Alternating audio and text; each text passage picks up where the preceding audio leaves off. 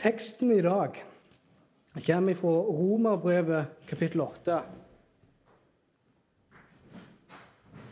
Romerbrevet kapittel 8.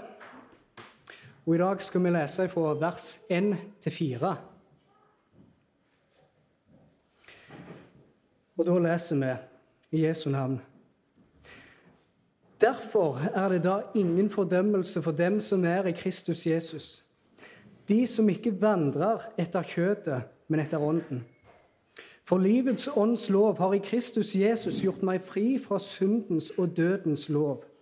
For det som var umulig for loven fordi den, var maktesløs pga. kjøtet, det gjorde Gud ved å sende sin egen sønn i syndig kjøts lignelse, og for syndens skyld han fordømte synden i kjøtet. For at lovens rettferdige krav skulle bli oppfylt i oss, vi som ikke vandrer etter kjøtet, men etter ånden. Vi er nå kommet til et nytt kapittel i Romerbrevet. Et nytt kapittel der vi skal få se som et slags overordna tema at det snakkes om sikkerheten og tryggheten til den truende. Og Vi skal se at det er en veldig sentral person som blir nevnt her, og det er Den hellige ånd. Så Håvard nevnte sist, så er jo Romerbrevet 8 det mest åndsfylte kapittelet i hele Bibelen. Og Ånden, eller Den hellige ånd, blir nevnt 20 ganger bare i dette kapittelet.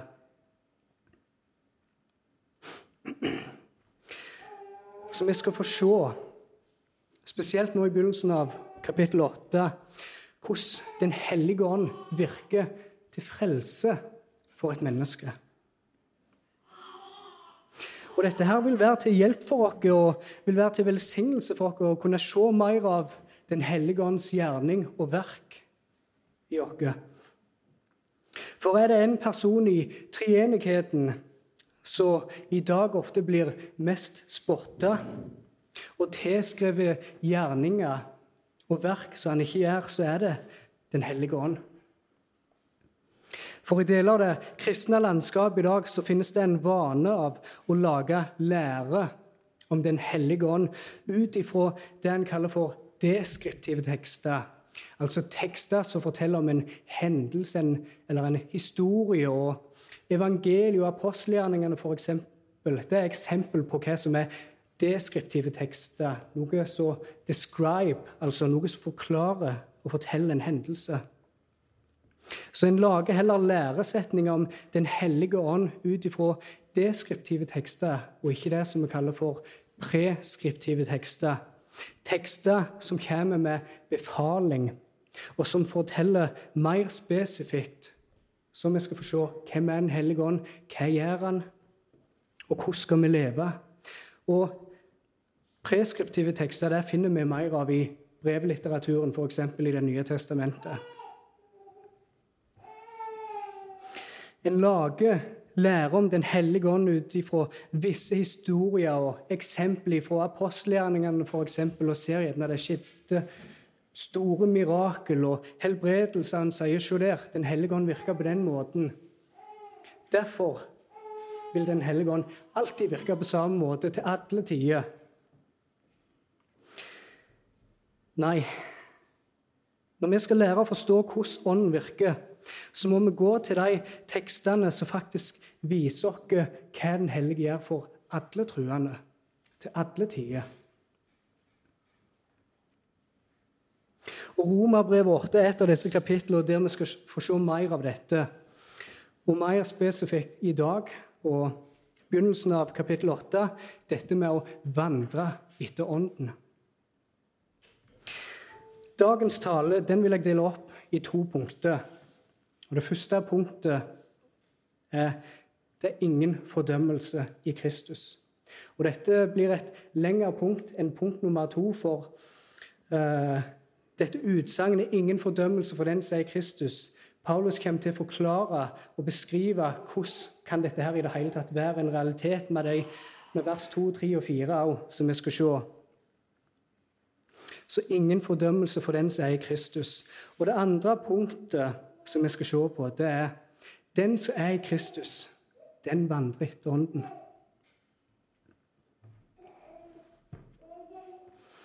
I vers 1 her så kommer Paulus på en måte med svaret på problemet som er blitt lagt fram for oss i kapittel 5. Der Paulus har vist dere at alle mennesker er representert i Adam som vårt føderale hode. Og pga. Adams fall, pga. Adams synd, så er hele verden i synd og under fordømmelse. Og når loven kom, som vi kan lese i slutten av, uh, av kapittel 5, så ble synden enda større. Synden var der, men når loven kom, så ble synden enda større. Saken ble bare verre for mennesket. Vi har også sett tidligere at en av lovens funksjoner det er bl.a. at den skal vise oss vår synd. Loven viser mennesket sin synd. Og loven, som vi også kunne lese om i kapittel 7, den egger opp synden hos mennesket. Den egger opp synden hos mennesket til å gjøre det som er motstridig imot loven. Og når en så dette, da, så kunne en tenke Men er det nå Er ikke da loven synd? Det er et spørsmål som blir stilt. Men Paulus bekrefter og sier det at loven det er ikke den i seg sjøl som er synd. På ingen måte. Det som er problemet, er vår synd. For loven, den er hellige, sier Paulus, og budet er hellig, rettferdig og godt. Guds lov den lærer oss hva rettferdighet er, men den kan aldri rettferdiggjøre oss. Vi så sist fra vers 24 av i kapittel 7, når Paulus i fortvilelse over seg sjøl sier 'Å, jeg elendige menneske, hvem, hvem skal fri meg ut fra dette dødens legeme?' Denne tilstanden av å være under loven, være under fordømmelse. Hvem skal fri meg ut ifra dette her? Og det er da i vers 25 vi ser Paulus sier, 'Jeg takker Gud ved Jesus Kristus, vår Herre'. Det er en som kan fri oss ut ifra dette dødens legeme. Det er en som kan fri oss ut ifra det å være under loven, og det er Jesus Kristus, Guds sønn. Og av at han ofra seg sjøl som et offer for å tilfredsstille Guds rettferdighet, og av at han tok på seg alle våre synder Og han døde på et kors i vår plass. Og Jesus døde sånn at vi og vår synd skulle dø med han. Jesus ble begravd sånn at vi og vår synd skulle bli begravd med han. Og Jesus han sto opp igjen sånn at vi og ikke vår synd skulle stå opp igjen med han. Evangeliet det er sannelig gode nyheter for hver den som tror. Og da kan Paulus si, 'Jeg takker Gud'. Det er en som kan fri meg ut ifra dette dødens legeme. Og vi òg kan si med Paulus, 'Jeg takker Gud'. Det er en som kan fri oss, det er en som kan frelse oss. Og på grunn av dette fantastiske frelsesverket til Jesus, så blir det gitt til oss, og det blir tilregnet oss ved tro, så er det da ingen fordømmelse for den som er Kristus Jesus. Det er ingen fordømmelse for den som er i Kristus Jesus. Og Når en da i dag ofte tenker på ordet fordømmelse, så tenker en ofte på sjølfordømmelse. Og det er å kjenne på en følelse av fordømmelse. Og det kan være litt i tråd med hva Bibelen snakker om fordømmelse òg, for Satan han blir jo kalt anklageren av brødrene. Så det kan ligge noe i dette her med å kjenne på en skam, skyld og en fordømmelse. Men det, denne fordømmelsen det er snakk om i teksten i dag, det er en juridisk fordømmelse. Det er en juridisk fordømmelse. En fordømmelse som sto imot dere av vår synd og opprør imot Gud. En fordømmelse som vi var onde. Med andre ord en rettferdig fordømmelse imot dere. Og resultatet av denne fordømmelsen det er en evig fortapelse.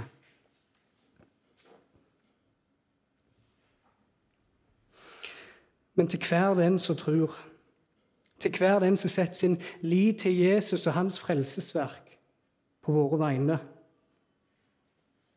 Til den som er blitt ikledd Jesus sin rettferdighet, så er det ingen fordømmelse. Det er en realitet som blir beskreven her. Det er ikke en følelse som blir beskreven her.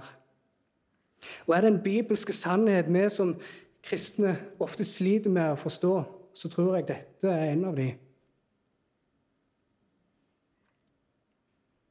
Å forstå og våge å tro at det ikke lenger er noe fordømmelse for oss, for vi som er i Kristus. Som jeg har sagt med en annen anledning, at vi har ingen problem med å anerkjenne at eh, vi er syndere og fortjener fortapelse, men vi sliter veldig med å anerkjenne at eh, når jeg tror på Jesus, så blir hans rettferdighet tilregnet meg, og i han så er det ingen fordømmelse. Vi sliter ofte å tro på dette her, på sånne sterke uttrykk som 'ingen fordømmelse'. Og jeg tror at Mye av grunnen til at vi sliter med å forstå dette, her, er at vi er for preget av våre følelser. Vi lar følelsene våre avgjøre hvordan vi skal se på oss sjøl, hvordan vi skal forstå bibelske sannheter om oss sjøl. Vi legger mer vekt på følelsen av fordømmelse enn hva vi legger vekt på av det som faktisk er realiteten med at det ikke er noe fordømmelse lenger for den som er Kristus. Måtte Gud gi oss tru til å tro dette og glede oss i dette. Og Den fordømmelsen da som Bibelen snakker om, den gjelder ikke lenger for den som er Kristus. Nå er det ikke lenger fordømmelse som gjelder for oss, men nå er det rettferdiggjørelse som gjelder for oss, og rettferdighet som gjelder for oss, for vi som tror. Går vi videre til vers 2, så ser vi at eh, Paulus skal begynne å forklare hvordan i det hele tatt han kan si at det er ingen fordømmelse for den som er Kristus. Og vi leser For livets ånds lov har i Kristus Jesus gjort meg fri fra syndens og dødens lov. Han snakker her om livets ånds lov og også syndens og dødens lov. Så hva er egentlig disse her lovene for noe? For her er det en lov som har frigjort dere ifra en annen form for lov. Paulus forklarer det egentlig for oss i vers 3. Han forklarer det i det neste vers for oss, der han sier For det som var umulig for loven fordi det var maktesløst av kjødet, det gjorde Gud ved å sende sin egen sønn i syndig kjøds lignelse og for syndens skyld. Han fordømte synden i kjødet.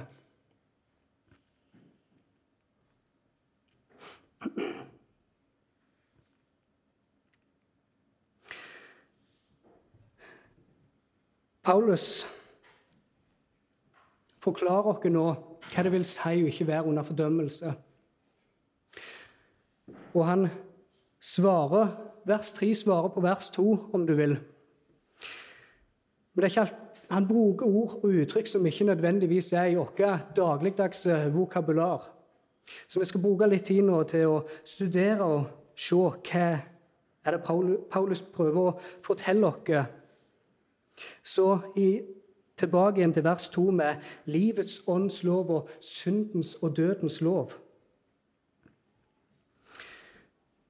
Her er det ikke snakk om en ny lov som blir introdusert for oss, som om Guds lov som ble oppretta på Sinai-fjellet, er opphevet, og nå skal Den hellige ånd åpenbare noen nye lover for oss.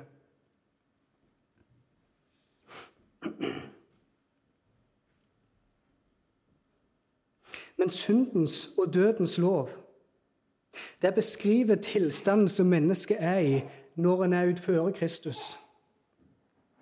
For mennesker som ikke er i Kristus, men utfører, er slaver til synd og står i tjeneste til synden. Som vi kunne se i kapittel 7 av om syndens og lovens, uh, lovens bud fra vers 7 av, så beskriver det mennesket en tilstand og med en identitet som en synder.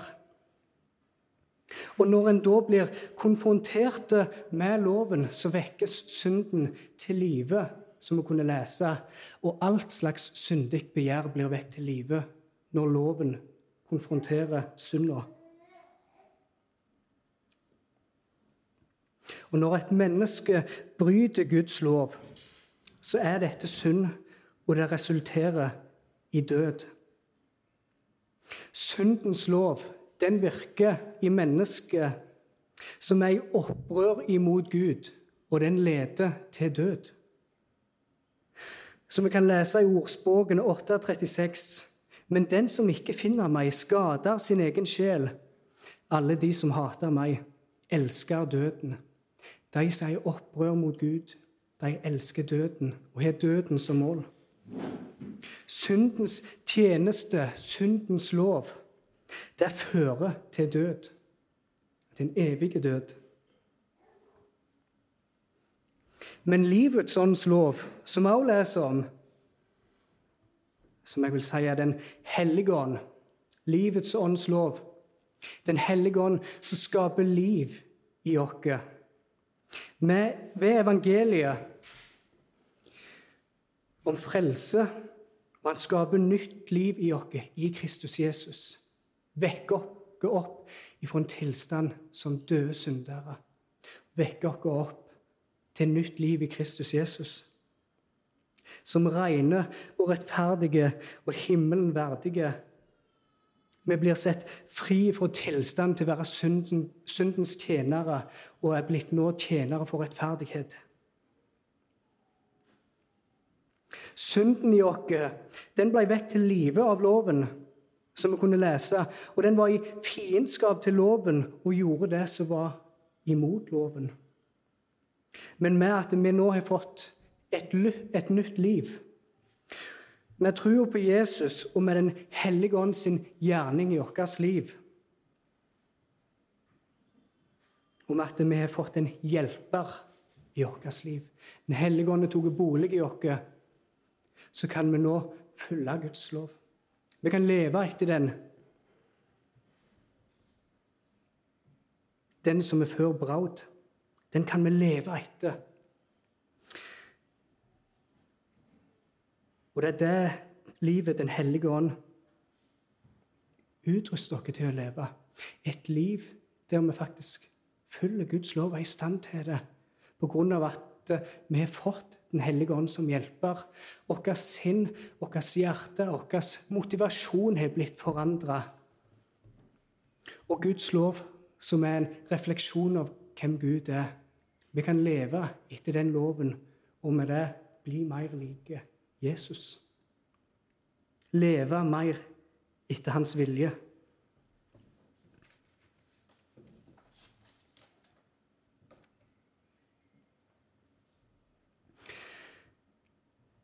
I videre i vers 3 så leste vi det som var umulig for loven fordi den var maktesløs pga. kjøtet. Loven den kunne ikke frelse mennesket. Loven som jeg sa tidligere, den lærer oss hva rettferdighet er, og hvordan rettferdighet ser ut. Men den kan aldri rettferdiggjøre et menneske. Den kan aldri rettferdiggjøre et menneske på grunn av synd.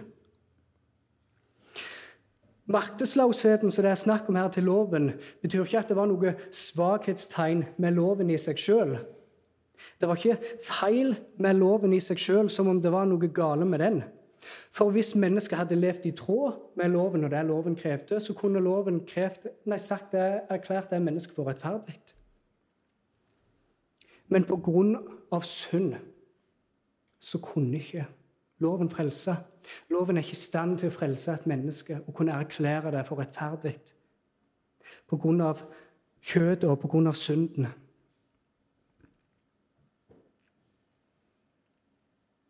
Men det som var umulig for loven, som vi leser, det gjorde Gud med å sende sin egen sønn Jesus Kristus. I syndig kjøds lignelse, leser vi. Og Her er det to mål med Jesus sitt komme, eller at Jesus ble sendt til jorda. Her er det to mål som blir presentert for oss. Det står det for det første at Jesus kom i syndig kjøds lignelse. Han kom som et menneske. Han var som en av oss, tok på seg en menneskes skikkelse. Men når det da står at han kom i syndig kjøds lignelse, så betyr ikke det at det, det var synd i Jesus. Paulus prøver ikke å si at det, det var synd i Jesus. Men Jesus tok på seg en skikkelse som pga. Adam sitt fall hadde blitt besmittet av synd. Og alle fæle konsekvenser som kommer, som kommer av syndefallet, sorg, smerte osv. Disse tingene tok Jesus på seg, og han òg kunne kjenne på disse vonde tingene som var et resultat av syndefallet. Det er det Paulus snakker om når, han, når Jesus kom i syndig kjøds lignelse.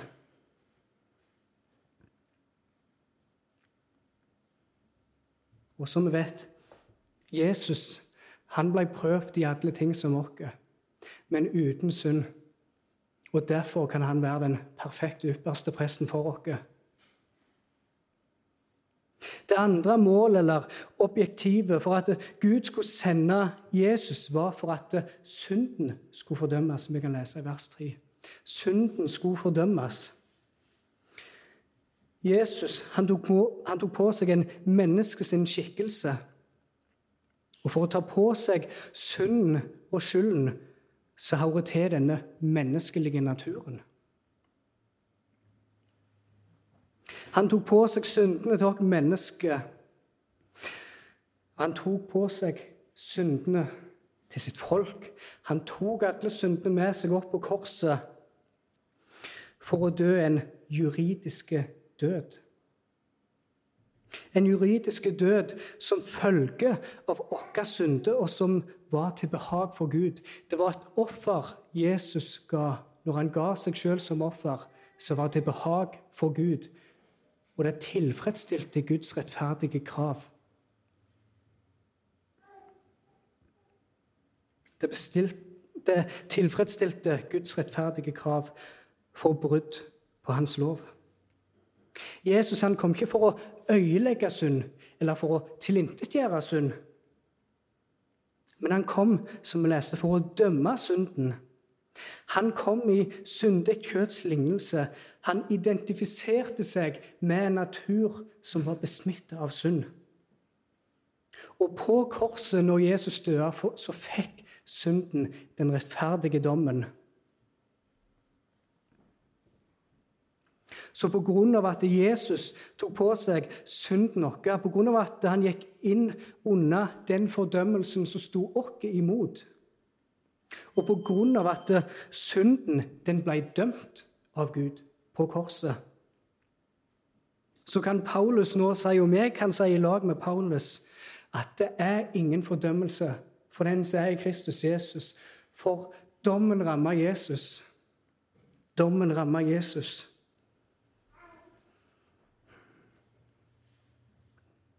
Vi leser videre i vers 4 at for at lovens rettferdige krav skulle bli oppfylt i oss, vi som ikke vandrer etter kjødet, men etter ånden. Lovens rettferdige krav om dom og om død av brudd på Guds lov, som vi mennesker var skyldige i, disse rettferdige kravene tok Jesus på seg sjøl. I sin stedfortredende død for oss, som var en død som oppfylte lovens krav på rettferdighet, og det var en død og et offer som tilfredsstilte en rettferdig dom. Jesus tok vår synd. Vi fikk hans rettferdighet. Vi har fått hans perfekte liv.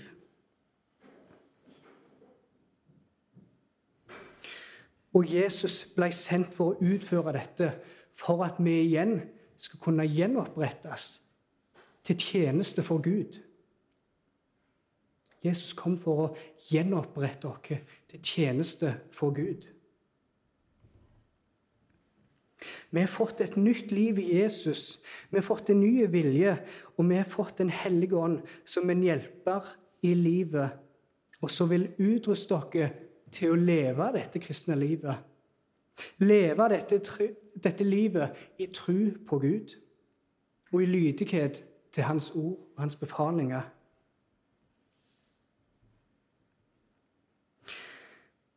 Vi har nå sett først at det er ingen fordømmelse for den som er Kristus Jesus.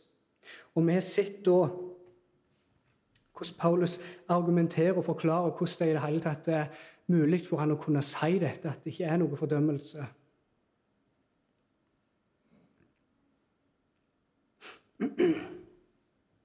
Og Det er jo dette som er den dominerende tanken i disse fire første versene av Romeren 8 som vi har i dag der vi ser at det er ingen fordømmelse for den som er Kristus Jesus. Og de, foregår, og de neste versene forklarer dette her.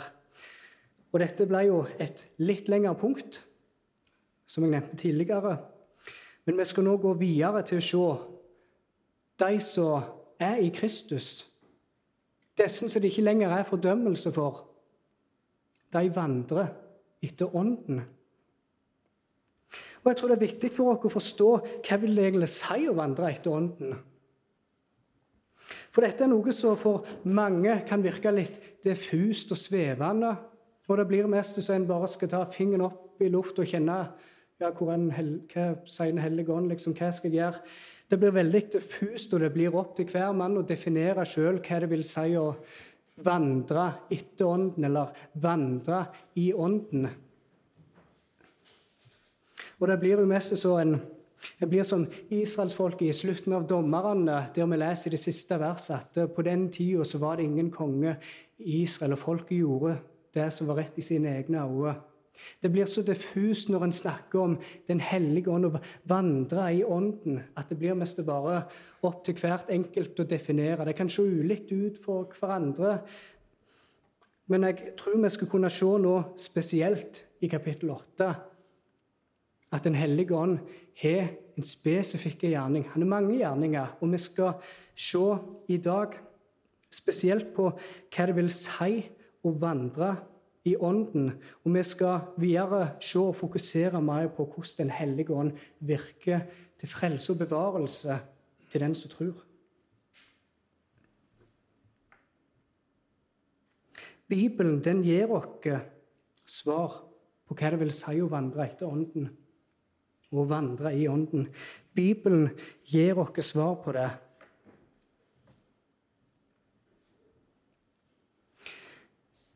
Bibelen snakker om Den hellige ånd sine gjerninger og funksjoner på mange måter. Han virker i oss som tror, til helliggjørelse. Han utruster oss til å kunne leve dette livet som en kristen. Og Det er dette som er fokuset som vi skal se nå hvordan Ånden jobber med oss. Og ikke bare hvordan han jobber med oss, men også gjennom oss. Dette uttrykket med 'de som vandrer etter Ånden' det finner vi jo både i vers 1 og 4 av dagens tekst. Og for de som vandrer etter Ånden, det er de det ikke er noe fordømmelse for. Så det står 'de som ikke vandrer etter kjødet, men etter ånden'. Det å vandre i ånden, det er en manifestasjon av at det frelsesverket til Jesus er blitt tilregnet oss, og at vi har tatt imot det med tro. Det å vandre i ånden er en manifestasjon av Jesus sitt frelsesverk, og at det har blitt tilregnet oss og blitt gitt til oss. Å vandre i ånden blir sett opp som en kontrast til å vandre i kjøttet. Og Paulus går videre i kapittel 8 og klargjør disse kontrastene med å vandre i, etter kjøtet og vandre etter ånden enda mer i verset som vi skal se senere. Der han snakker om at de som vandrer etter kjødet, de retter sinnet mot det som hører kjødet til. Og de som vandrer etter kjødet, de er i fiendskap mot Gud. Og kjøtets sinnelag, som vi kan lese, det er død. Men de som vandrer etter Ånden, de er sinnet sitt retta mot det som hører Ånden til.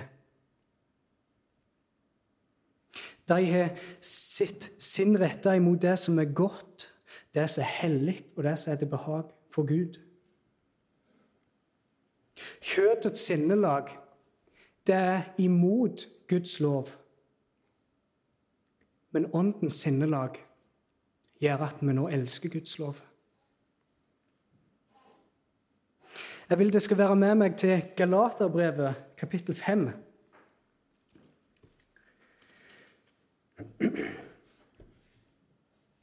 I dette kapittelet om åndens frukter og kjødets frukter. Vi leser fra vers 16 fra Galaterbrevet 5. Men jeg sier, vandre i Ånden, og dere skal slett ikke fullføre kjøtets lyst. For kjøtets lyst for kjøtet lyster imot ånden, og ånden imot kjøtet. Og disse to står imot hverandre for at dere skal gjøre de ting, nei, for at dere ikke skal gjøre de ting dere vil. Men hvis dere blir ledet av ånden, da er dere ikke under loven. Kjøtets gjerninger er åpenbare. De er ekteskapsbrudd, hor, urenhet, skamløs utukt, avgudsdyrkelse, trolldom, hat, stridigheter, sjalusi, vrede, selvhevdelse, splittelser, partier, misunnelse, mord, drukkenskap, usømmelig festing og andre slike gjerninger. Om disse gjerningene sier jeg dere nå på forhånd, slik som jeg også sa til dere tidligere, at de som gjør slikt, skal ikke arve Guds rike. Men åndens frukt er kjærlighet, glede, fred, langmodighet, vennlighet, godhet, trofasthet, saktmodighet, selvtukt. Loven er ikke imot slike. Og de som tilhører Kristus, har korsfestet kjødet med dets lidenskaper og lyster. Hvis vi lever i Ånden, så la oss også vandre i Ånden. La oss ikke trakte etter tom ære, så vi egger hverandre og misunner hverandre. Her blir det veldig klart og tydelig for oss gjennom Paulus hva som er kjøttets frukter. De er åpenbare, sier han. De er åpenbare for oss hva som er kjøttets frukter. Men han forklarer og viser oss òg hva er åndens frukter.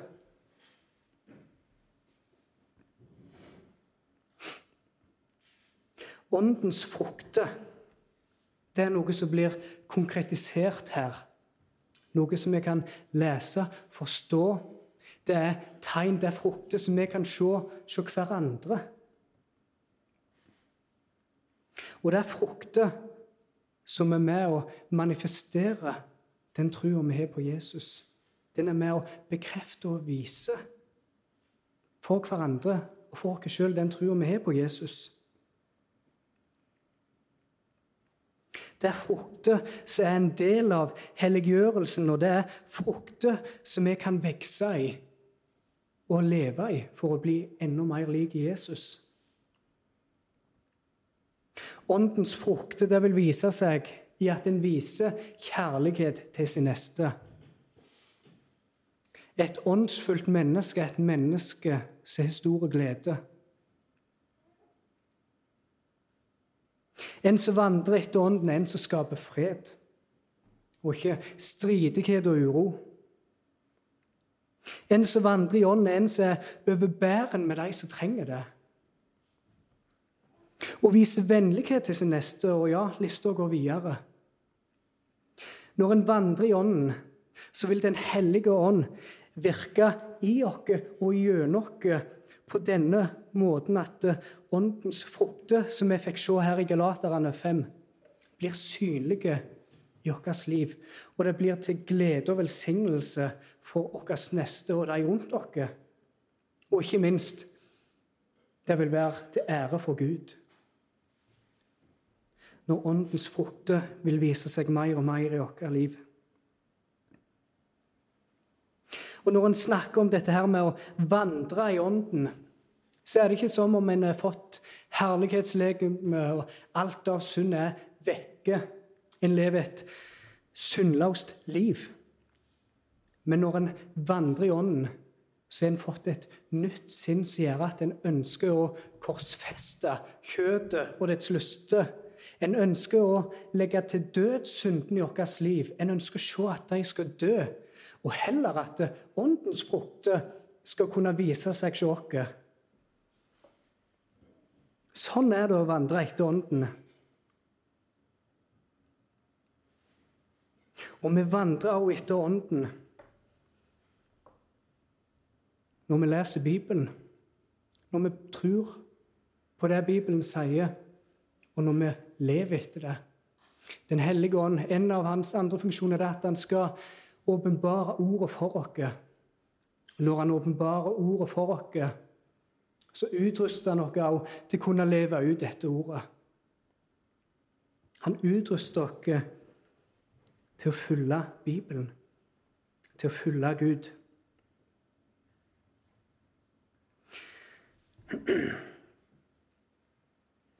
Så når vi ser disse her åndens frukter som er blitt beskrevet for oss i Galaterne 5 Når vi ser disse fruktene hos våre kristne brødre og søstre, så ser vi en manifestasjon av ei tru på Jesus. Ei frelsende tru på Jesus, et frelsesverk for oss. Og for det mennesket For det mennesket som vandrer i Ånden for den er det ingen fordømmelse. For den er det ingen fordømmelse.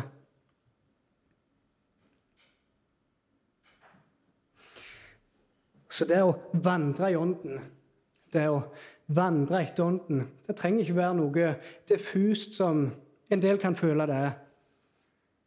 Det blir veldig konkretisert og lagt tydelig fram for oss her i Galaterbrevet og Romerbrevet hvordan ser det ut å vandre etter Ånden? Med at sinnet er fornya. En retter sinnet sitt mot det som nå hører Gud til. Det som er godt og hellig og rent. Og til behag for Gud.